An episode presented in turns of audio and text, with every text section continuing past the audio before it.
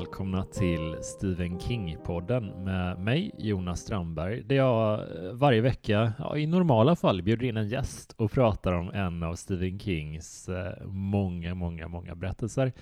Jag säger i normala fall eftersom eh, den här veckan så kommer jag prata på lite på egen hand som en sorts dåre som läser in ett manifest. Eh, ni vet, det, det slutar aldrig bra. Men riktigt så illa är det inte den här gången. Det, det enda är att eh, eh, det, det sket sig lite med gäst bara, och sånt händer. Det är, det är ju lite speciellt att ha, när man har en podd eh, som går ut på att varje vecka så ska man diskutera en ny roman eller novell. Så det är mycket som ska klaffa och eh, ibland så klickar inte allt 100%, men det gör ingenting. Eh, ni kommer få höra om eh, ni kommer få höra den tilltänkta gästen snart eh, ändå. Så att jag tänkte att som en sorts, eh, för att ni inte ska helt liksom gå utan avsnitt den här veckan eh, så tänkte jag bara, jag, visar, alltså jag försöker visa min uppskattning för jag tycker väldigt, ni är väldigt fina ni som lyssnar på den här podden och det har blivit ett Eh, härligt gäng. Eh, de flesta av er, eh, de mest dedikerade lyssnarna, ni hänger ju i, i Facebookgruppen Stephen King-podden Eftersnack, där vi pratar om, eh, ja, om allt möjligt. Ofta så, så brukar vi prata om eh, den aktuella berättelsen som vi har pratat om i, i veckans avsnitt, men det har också eh, dykt upp en del diskussioner kring andra ämnen och en återkommande Ehm, ett återkommande ämne här i Facebookgruppen är eh, Dark Tower, Stephen Kings långkörare som eh, åt, eh, tog åtta romaner, sju romaner att avsluta, och sen kom det en åttonde roman i efterhand. Men det har länge varit snack om olika typer av filmatiseringar. Det kom en film, typ 2017 om jag inte missminner mig, som hade den märkliga ambitionen att på något sätt berätta en historia som tog sju romaner fast inklämd på en 90 minuters film.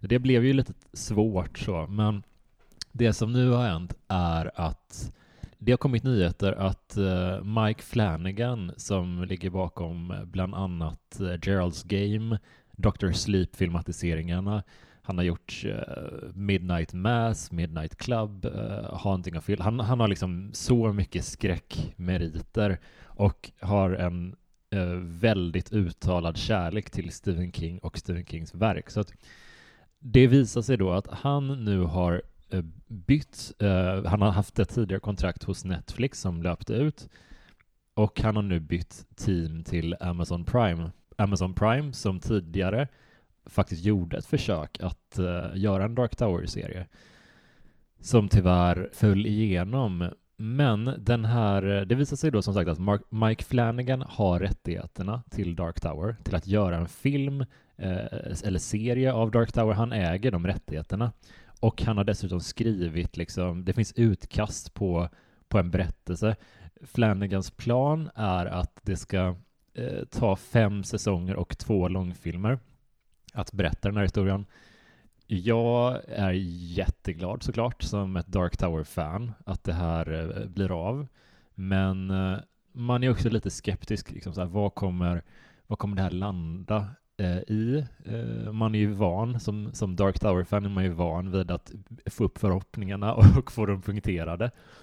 Så eh, och dessutom så funderar jag lite på hur det ska funka med att kombinera serier med långfilmer, men Mike Flanagan har hittills inte gjort någonting som har gjort mig i alla fall besviken, så eh, förhoppningarna är väldigt stora och tydligen så är, eh, ja, det här är lite tekniskt filmnörderi, men eh, den här rättigheterna till Dark Tower, den ligger tydligen utanför Amazon Prime-dealen och utanför Netflix-dealen, så vilken streamingtjänst som helst eller vilket produktionsbolag som helst kan egentligen gå in nu och köpa rättigheterna eller, eller liksom köpa upp och finansiera eh, den här produktionen så att den kan bli av. Och det känns lite som att Mike Flanagan har viftat lite med de här eh, rättigheterna i intervjuer för att eh, uppmärksamma det. Så att det känns lite som en, en riktigt ambitiös Tinder-profil, typ.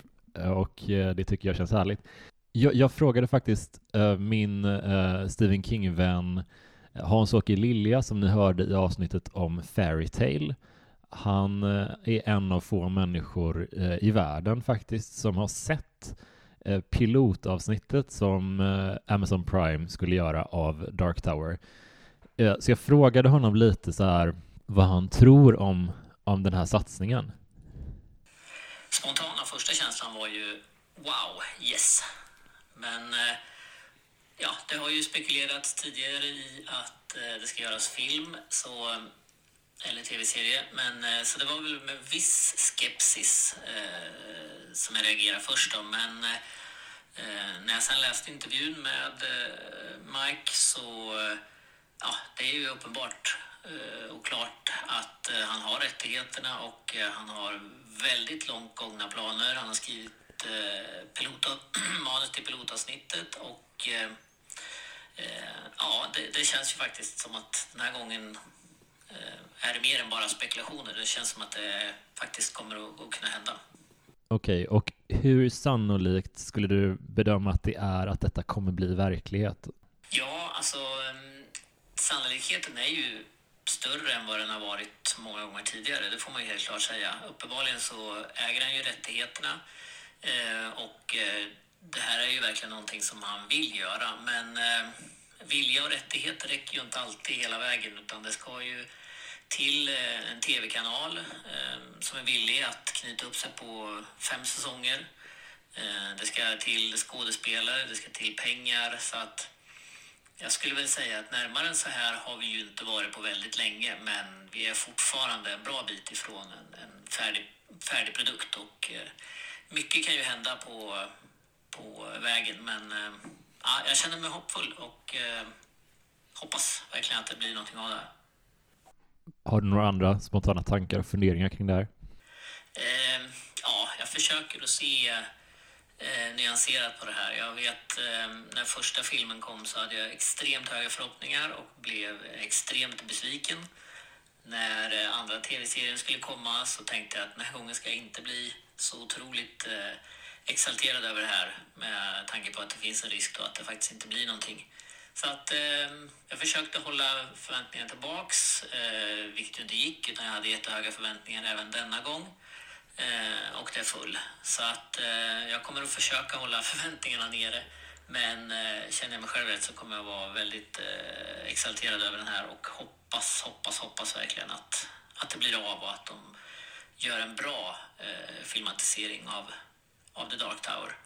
Och sen vore det ju ganska skönt att slippa alla de här spekulationerna framöver. Att de faktiskt gör den här så att den blir gjord och så är det klart och så kan vi gå vidare med, med någonting annat. Det, tack så mycket. Jag tänkte också att det, för att det här inte ska bli ett för kort avsnitt och inte bli för Dark Tower-centrerat, inte för att det är något fel med det alls, men jag tänkte typ droppa mina fem starkaste Stephen King-minnen så kan ni som lyssnar, ni kan få jättegärna delta och berätta om era starkaste Stephen King-minnen. Så, så kan vi ha en riktig eh, nostalgifest i Facebookgruppen sen. Okej, mina fem. Det här är inte nödvändigtvis de bästa berättelserna då, utan det här är eh, minnen som har etsat sig fast eller liksom ögonblick som har eh, satt sig kvar på något sätt hos mig. Eh, vi kan, det här är utan inbördes rangordning eh, faktiskt. Så vi kan börja med Langoliärerna. Jag vet, förlåt, förlåt. Det är, det är inte en jättehyllad Eh, novell, det är inte en jättehyllad filmatisering. Men jag såg den här när jag var liten och eh, den var uppdelad som en miniserie på tv och ja, hela premissen för Langolieren är att vi följer ett äh, gäng passagerare. De ska åka en sån riktigt lång, äh, lång flygresa över USA och de vaknar upp och märker att en stor del av alla passagerare på planet är spårlöst försvunna. Och därifrån så följer ett, ett ganska invecklat mysterie med väldigt många teorier. Jag ska inte spoila det för mycket om man inte har sett Langoliärerna.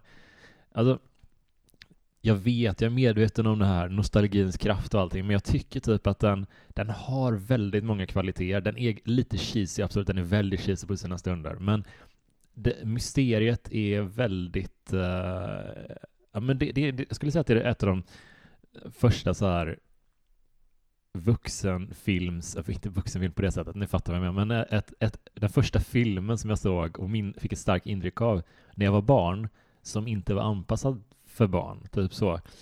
Eh, jag tycker den var oerhört, oerhört läskig, men jag har ju sett lite ja, klipp och så från en i vuxen ålder, så att jag misstänker eh, förmodligen med den rätta, med rätta att den inte eh, håller, håller så bra. Det är också alltså, jävligt speciellt att man får så här, ja men fem starkaste vikingögonblick, ett av dem, Langoljärerna.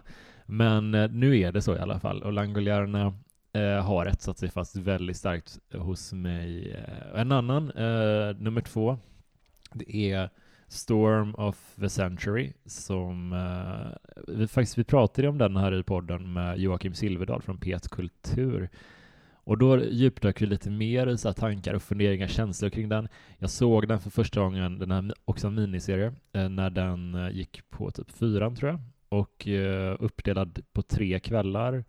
Och jag var, var ett barn då och den filmen utspelar sig på vintern under en stor eh, snöstorm och det här var typ i mellandagarna jag såg den tror jag, jag och min brorsa och min pappa. Och jag vet inte om det har något med det men vi gick så här i kyrkan när vi var, var små och eh, så religionen var ändå närvarande i, i ens liv typ. Så att den här, de religiösa aspekterna av Storm of the de, de tog lite hårdare typ, alltså när man hade den eh, bakgrunden kanske. Den är fortfarande väldigt läskig. Den har ju sina svagheter också, eh, men eh, håller betydligt bättre än Langoljärerna skulle jag säga. Det, eh, den är lite, lite för lång kanske, men ser man den som en miniserie som den är tänkt att ses så skulle jag säga att den funkar faktiskt riktigt bra.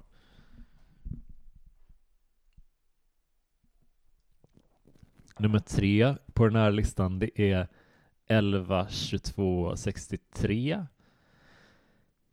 Det är Stephen Kings bok om en eh, person som åker tillbaka i tiden med ambitionen att stoppa Kennedy-mordet. Och den här läste jag när jag var nydumpad, ganska nydumpad och eh, snöade in ganska hårt på Stephen King en period där jag läste väldigt mycket av hans böcker som kom under den perioden mellan typ 2010 och 2012 typ.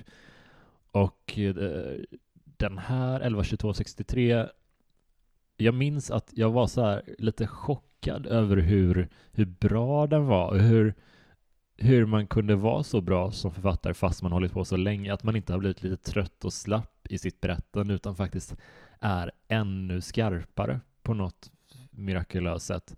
Så den blev jag väldigt chockad över att den höll måttet så bra. Det, jag håller den väldigt högt och vi kommer faktiskt prata om den Eh, i eh, nästa avsnitt, eh, ett, ja, när det blir ett riktigt avsnitt då, med återkommande poddfavoriten Sebastian Mattsson. Jag ser jättemycket fram emot att, och, och djupdyka i eh, 11.22.63 med Sebastian. Jag tror att det finns väldigt, väldigt mycket att säga om den. Jag tror att det här också var, utan vi kan spara lite mer djupgående analys, man ska säga, om det, av den boken till det specifika avsnittet. Men jag minns det som att jag läste att han, Stephen King tydligen hade släppt in sina söner och sin fru lite extra mycket i den här produktionen av den här boken. Så att, att han vågade samar samarbeta på ett annat sätt kanske, att det, att det lyfte den ett extra snäpp.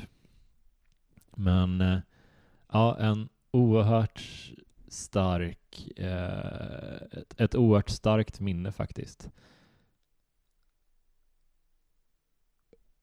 Berättelse nummer fyra är The Institute som var den första boken som vi eh, pratar om i den här podden som kickade igång med gästen Johan Wandlo.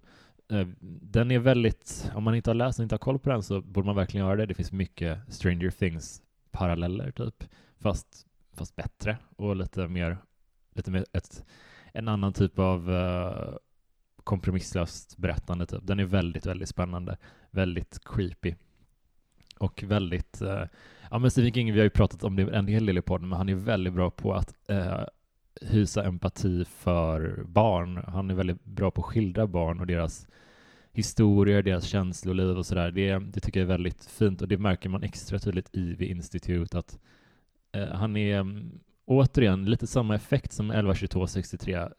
Innan jag plockade upp institut Institute så hade det ändå dröjt ett par år eh, från dess att jag hade liksom hade läst en Stephen King-bok. Så jag hade varit ett, ett par år utan Stephen King, plockade upp institut Institute och kom tillbaka i hans värld. Och kände typ samma sak som sagt, att fan vad vad bra han är, typ. Alltså vad... Jag vet inte varför jag blir överraskad av det hela tiden. Det tyder väl på en viss liksom, dumhet förstås. Men eh, så var det jag kände i alla fall. Jag, varje gång jag kommit tillbaka till Stephen King så har jag känt att det har varit en positiv upplevelse. Och eh, ofta typ har det varit lite så under perioder man känner att fan, nu har jag lite, lite körigt i livet, det har varit lite stressigt i livet eller ja, men som, som jag sa tidigare med 11, 22, 63, när man är nydumpad och behöver någon sorts comforting berättelse att eh, begrava sig i. Uh, och under Institute, jag tror det var lite så här stressig period i livet, började känna mig lite så här light, uh, utbränd kanske nästan. Nej, jag vet inte, det är otaget, men, men det var lite så stressigt typ, och den boken fick mig att lite komma in i läsandet på ett annat sätt, så att, att göra det till en del av min vardag. Så det tycker jag är väldigt fint. Det är ett fint sätt att uh, tillbringa sina dagar och det, det funkar bättre som avstressare, för mig i alla fall, än att sitta och titta på eh, Netflix-serier eller att spela, spela tv-spel som också är väldigt kul. Men böcker är verkligen så här 100% pulssänkande på ett positivt sätt. Även om de är spännande. Skitsamma, jag babblar på. Eh, vad ska jag annars göra? Jag har inga gäster här, så det, det får bli så. Vad konstigt avsnitt det här blir, men eh, jag hoppas ni ändå hänger med här. Eh, nummer fem, vilken, vilken var det nu igen? Jo, jo nummer fem, det är uh, Stand By Me-filmen som jag se, har sett väldigt många gånger. Och, och precis som eh, uh, 11.22.63 och Institute så är Stand By Me, den har liksom varit en återkommande film, mest filmatiseringen faktiskt eh, för mig. Alltså när man har haft det tufft i livet. Det, jag hade en, en kusin till mig som gick bort för eh, ja, över ett år sedan nu och eh, då kände jag mig väldigt så här att ja, men som man blir när någon kan ha, ha någon anhörig har gått bort, att man blir väldigt, det är, folk reagerar olika på det här, men för mig var det lite att jag kände att man blev väl helt stängd på något sätt. Och eh, jag behövde få ut känslorna lite, något som triggade det typ kände jag. Uh, så då kollade jag på Stand By Me uh, och det funkar väldigt bra. Det är ett bra, om man behöver gråta ordentligt uh, så är det en väldigt, väldigt bra film. Det är en väldigt fin film och alltså typ en av de filmer jag sett allra flest gånger. Den tycker jag mycket om, så det, det får bli min femte, min fem, mitt femte Stephen King-minne, om man ska säga ett. Men nu känner jag att jag har babblat på lite. Det, det, det är ändå lite speciellt att sitta där och prata själv, men det var, det var väldigt kul. Alltså jag vill ändå titta in och, och, och prata lite mer lyssnare så att det inte går för lång tid. Eh, vi kommer komma tillbaka med ordinarie avsnitt eh, mycket snart nu i, och med att eh, Sebastian och jag pratar om 11.22.63 eh, kommande avsnitt och sen så kommer Björn Karlsson, också återkommande toppengäst. Vi kommer snacka om novellen Last Rung on the Ladder som är en väldigt uh, ja, men gripande novell från uh, Night Shift, den här goa samlingen med allt ifrån ja, Trucks till Children of the Corn och ja, uppenbarligen då även uh, Last Rung on the Ladder. Det är en väldigt spretig men väldigt uh, intressant novellsamling. Men uh, jag vill jättegärna höra era favoriter. Jo, fan, jag kom på en grej. Jag fick en, en, en bok av en lyssnare, eh, Varulvens år. och eh, den vill jag väldigt gärna prata om också eh, snart. Så det, tack så jättemycket för att jag fick den. Det var väldigt, eh, väldigt snällt av dig. Den ser riktigt häftig ut. En väldigt så här, märklig illustrerad eh, bok. Med, eh, riktigt häftig. Så den vill jag jättegärna prata om med någon eh, gäst snart, så Varulvens år. Det, det känns som en sån som man har missat. ja, förlåt, jag, jag flummar på, jag babblar på. Men berätta gärna, om, om du som lyssnar, berätta om dina favoriter, dina starkaste Stephen King-minnen. Eh, berätta gärna lite vad du tror och känner om kommande Dark Tower-satsningen. Bli, kommer det bli någonting? Vad har ni för förhoppningar? Eh, vilken är er drömcasting? Vad tror ni kommer att hur tror ni det kommer se ut? Vem kommer spela Roland? Vem kommer spela... Alltså, allt. Kasta ur alla tankar och idéer. Försök att hålla det lite spoilerfritt bara för att eh, vi vill ändå vara snälla mot alla som inte har eh, besökt den fina världen än. Men tack så jättemycket för att du har lyssnat på det här lite märkliga avsnittet eh, och så ses vi, vi hörs snart igen med ett eh, klassiskt eh, Stephen King-podden avsnitt. Och sen så kommer vi ha en livepodd också på Teater Brunnsgatan 4 i Stockholm eh, i slutet av januari, så gå gärna in på Biletto och sök på Stephen King-podden live, för där kommer vi ha så jävla grymma gäster, eh, många favoriter från poddens eh, historia. Så att, gå in på biletto.se, sök på Stephen King-podden live eh, och boka en biljett så hörs vi snart eh, eh, igen. tack så jättemycket för att du har lyssnat. Hej då!